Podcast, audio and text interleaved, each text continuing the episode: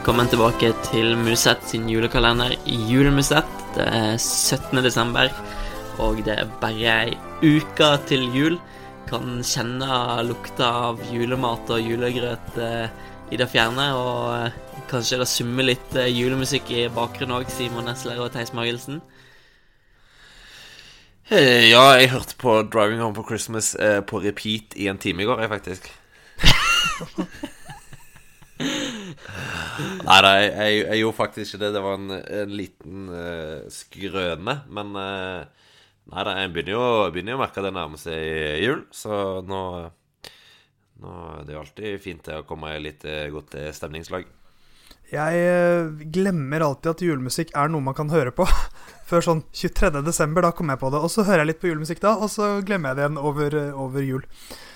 Så, så jeg, jeg føler ikke at jeg blir så veldig metta når det kommer til julemusikk. En av få, kanskje. Kan ærlig talt ikke fordra julemusikk. Og har en samboer som er ekstremt glad i julemusikk, så det er jo toppers. Ja, det var riktignok på Jeg tok henne med på julekonserten med Kurt Nilsen her i starten av måneden, faktisk. Så det var sjenerøst her. Du, du fikk din dose da. Ja, da holdt de massevis. Nok juleprat. Nok juleprat. Nå dropper vi julemusikken. Nå åpner vi luke nummer 17.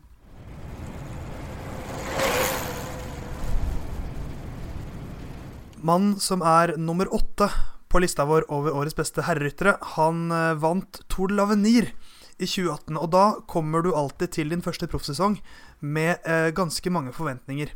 Men denne unggutten, han har så definitivt levert. Og det hele kulminerte 14.9. Han var fortsatt da 20 år gammel, men på den siste fjelletappen av eh, Vuelta Spania så klatret han fra alt og alle.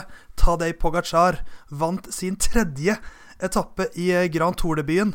Han var 1.32 foran Alejandro Valverde, og på samme etappe klatret han opp til tredjeplass i sammendraget. Så ikke bare tar han tre etappeseiere i sin første Grand Tour, han blir nummer tre i sammendraget eh, og avslutter en helt fenomenal sesong. Ta det Pogacar, han har kommet for å bli.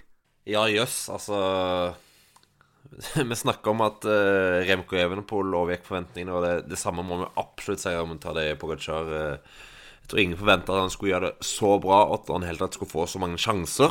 Uh, men Fabio Aru hadde jo slitt med, med sitt, og Dan Martin er jo kanskje litt over toppen. Og så har UAE plutselig fått uh, sin store stjerne nå for de neste årene.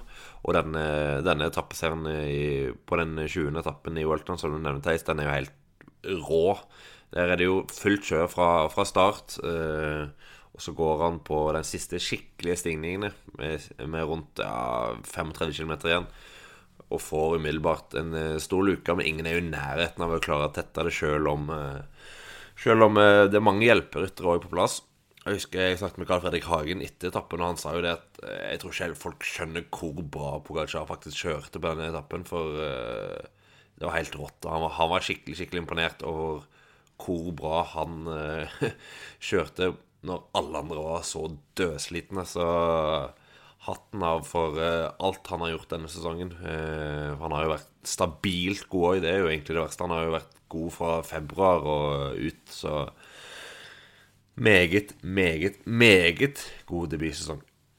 Ja, han er jo en mann for fremtida som har eh, ankommet allerede og presterer på et høyt nivå allerede. Og angående den nest siste etappen i Vueltaen der, så det har blitt delt en del wattfiler fra folk som kom et relativt godt stykke ned på, på lista den dagen, der watt eller tallene er bare helt absurde, og han bare kjørte fra alt alle og, og vant. Eh, Så en helt enorm prestasjon, og eh, altså, det er jo litt sånn når eh, Bernal vant toren, så tenker liksom folk at OK, nå er det ti år med Bernal-dominans i toren her på, på vei. Men du har jo Pogacar, du har Evenepool som er på, på vei, og en hel haug med andre sikkert òg som, som absolutt kan være med og kjempe om Grand Tour-seier og Tour de France-seier.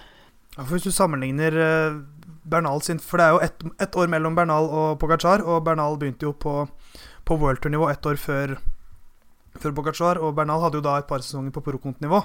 Eh, og, og, den første sesongen på World Tour-nivå til Pogacar er jo resultatmessig bedre enn Bernal sin. Eh, nå er jo det selvfølgelig litt fordi Bernal også ble bundet opp mot andre kapteiner, men, eh, men at Pogacar er på nivå med Bernal, det ser jeg på som en vurdering som er ganske, ganske korrekt. I hvert fall ikke Man må tenke på at de er, det er ett år mellom dem også. Hvor er Pogacar neste år? Nei, det ble jo spennende å se. Eh, det ble spennende å se eh, hvor han ender opp med å kjøre, med tanke på treukersrittene. Om han kjører en Giro Ultra dobbel, eller om han får prøve seg i Tour de France. Eh, Tour de France vil jo være et ritt som en del av de vanlige topp ti-navnene eh, vil prioritere vekk pga. OL. Så mulighetene for å være sånn topp fem, topp tre i Tour de France neste år tror jeg jo er veldig store om han velger å gjøre det. Men uh, han kan jo òg være veldig, en veldig god rytter for både VM og OL. Så det blir spennende å se hvordan han legger opp den neste sesong. Men uansett så tror jeg vi får se han i toppen gjennom hele sesongen. For han er, han er nå etablert i verdenstoppen, må vi jo kunne si.